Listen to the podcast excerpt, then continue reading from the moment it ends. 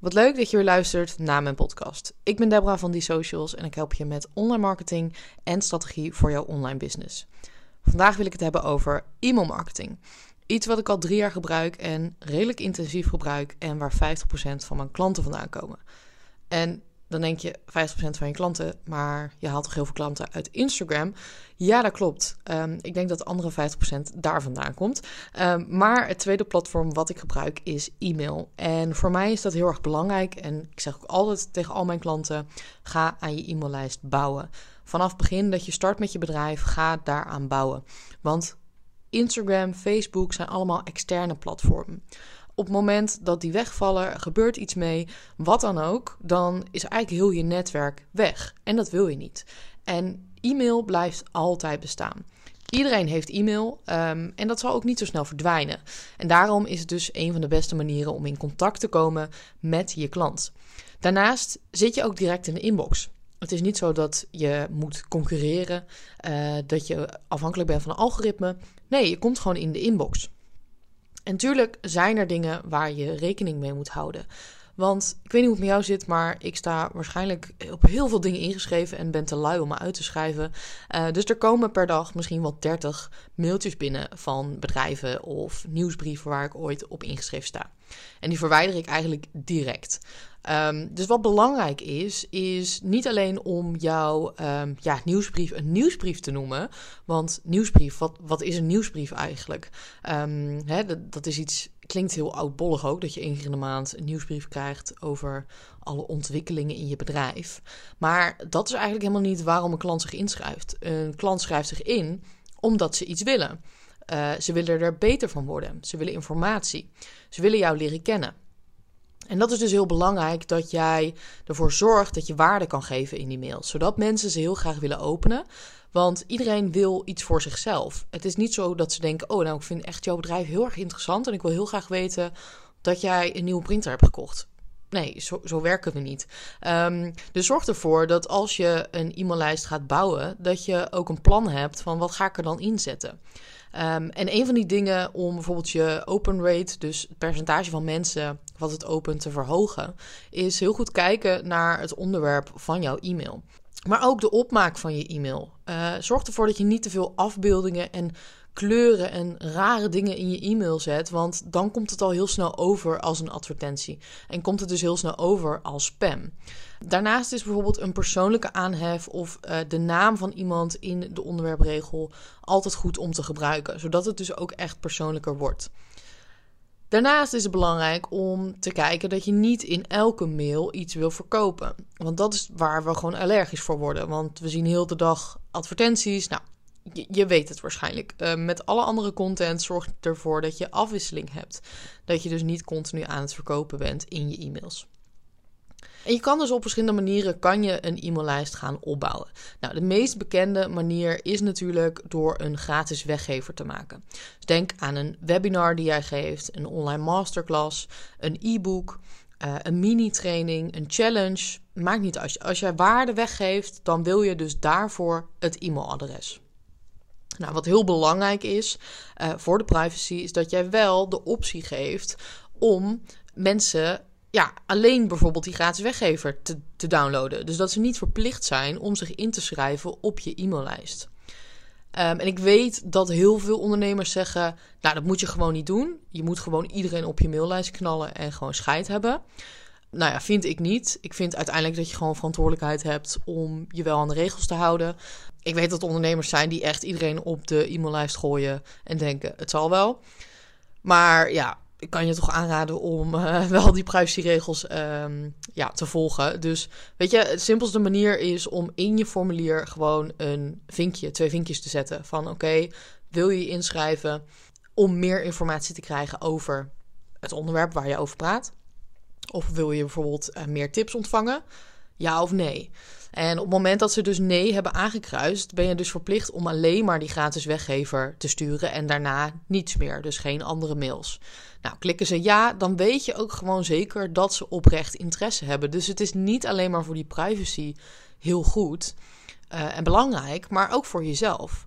Want op het moment dat iemand um, weet je, natuurlijk, er zijn altijd uitzonderingen van mensen die uiteindelijk toch klant worden terwijl ze niet heel veel interesse hadden. Maar over het algemeen zijn dat dus mensen die gewoon gratis dingen willen.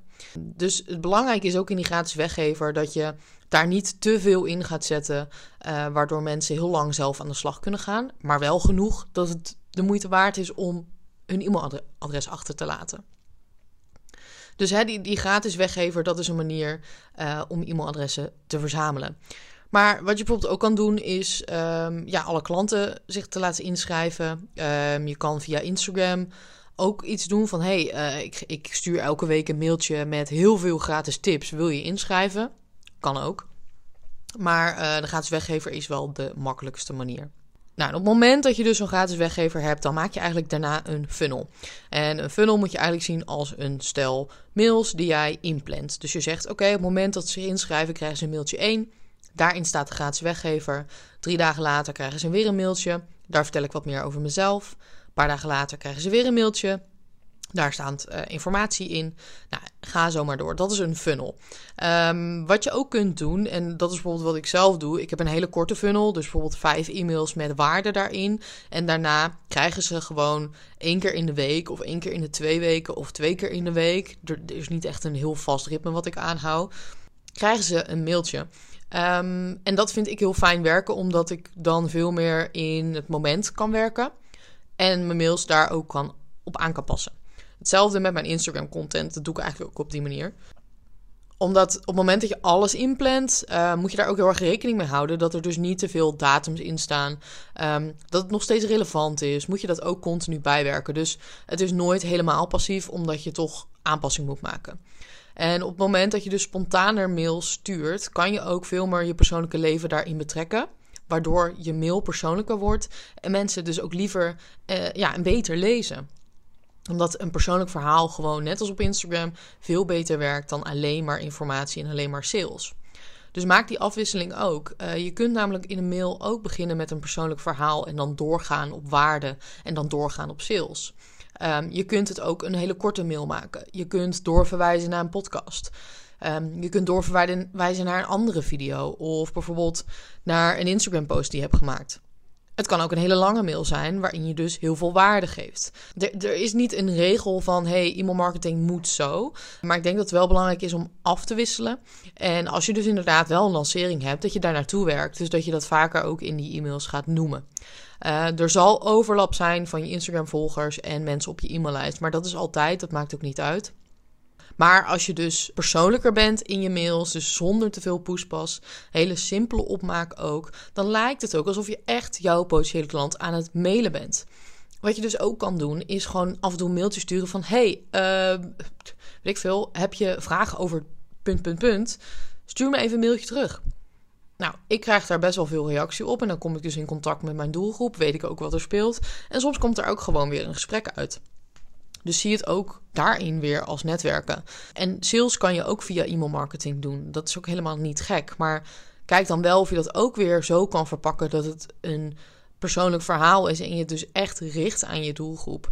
Um, ja, dus e-mailmarketing is echt een hele fijne manier om continu contact te houden met je doelgroep. Ik werk zelf met MailBlue. Uh, dat is onderdeel van Active Campaign. Ik zal trouwens onder deze podcast even een affiliate linkje zetten, mocht je geïnteresseerd zijn.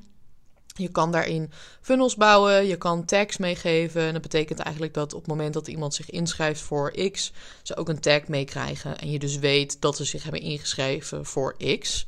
Wat ik daarnaast heel erg fijn vind, is dat je funnels kan bouwen en deze gewoon klaar kan zetten. Daar hoef je verder eigenlijk niet zoveel mee te doen. Ja, aanpassen.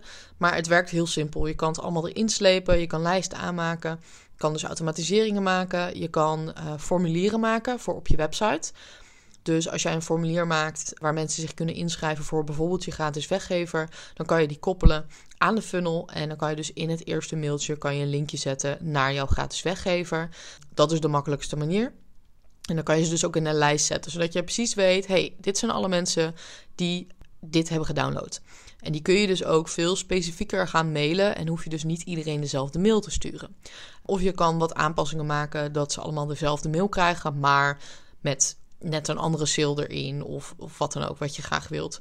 En wat ik ook heel vaak doe, is ik stuur dus heel vaak een mailtje, gewoon kort. Van hey, ik ben op zoek naar zoveel ondernemers uh, die met mij willen werken. Stuur alleen even terug. Ja, dat wil ik. Nou, super simpel. En dan kom je in contact en op die manier kan je dus ook klanten werven. Het is ook een soort kanaal om andere dingen te promoten. Hè? Dus je Instagram, je podcast, andere dingen. En je bent dus niet afhankelijk van één platform.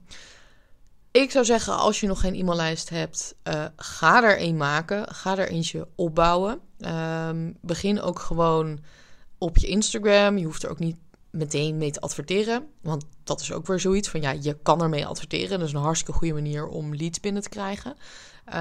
De, dus je maakt een gratis weggever. De, je maakt een formulier. Die zet je op je website. Je koppelt er een funnel aan met bijvoorbeeld een sale erin. Je maakt een lijst aan en je maakt een advertentie. En in die advertentie zet je dan de link van je website waar het formulier op staat. En ja, dan kan je dus heel veel nieuwe mensen bereiken die zich inschrijven, um, waar jij dus contacten mee kan opbouwen. Dus zie het ook als langetermijn investering waar je in investeert met die advertentie. Het is niet zo dat je dan zeg maar 5 euro uitgeeft en denkt, oh, dan ben ik het kwijt, want ik heb het nu nog niet verkocht. Maar op lange termijn kan je wel zien van, oké, ik heb nu 5 euro uitgegeven en die klant heeft voor 300 euro gekocht. Nou, dat is best een goed uh, marketingbudget, zou ik zeggen. Dus zie dit ook als langetermijn plan waar je aan kunt werken. Een andere manier is bijvoorbeeld blog schrijven. Dus als je een blog schrijft, zet het formulier van je gratis weggever ook vaak op je website tussen blogs door. Waardoor mensen, als ze blog lezen, zich ook kunnen inschrijven. Dus als ze via Google bij je terechtkomen, dat ze dan ook zien van hey, oh, daar kan ik me ook voor inschrijven. Dus dat zijn ook manieren om uh, meer inschrijvers te krijgen. Wat je ook kan doen, is natuurlijk met alles samenwerken met andere ondernemers. Um, mocht je een heel tof artikel hebben geschreven Kijk of je dit bijvoorbeeld in de media kan pitchen bij andere ondernemers die dezelfde doelgroep hebben. Je zegt: hey, ik heb een toffe weggever, wil je dit linkje even delen? Dat zijn allemaal manieren om te bouwen aan je e-maillijst. Ja, ik zal hieronder even het linkje van Mailblue zetten, mocht je geïnteresseerd zijn. Um, ja, al mijn klanten zitten ook bij Mailblue. Kan het je echt uh, van harte aanraden. Mocht je nou nog vragen hebben over uh, e-mailmarketing of over Mailblue, laat me even weten via een DM via Instagram. En mocht je nou aan de slag willen gaan met e-mailmarketing en adverteren en de strategie die daarbij hoort, uh, kijk even op www.diesocials.nl/slash boostcall.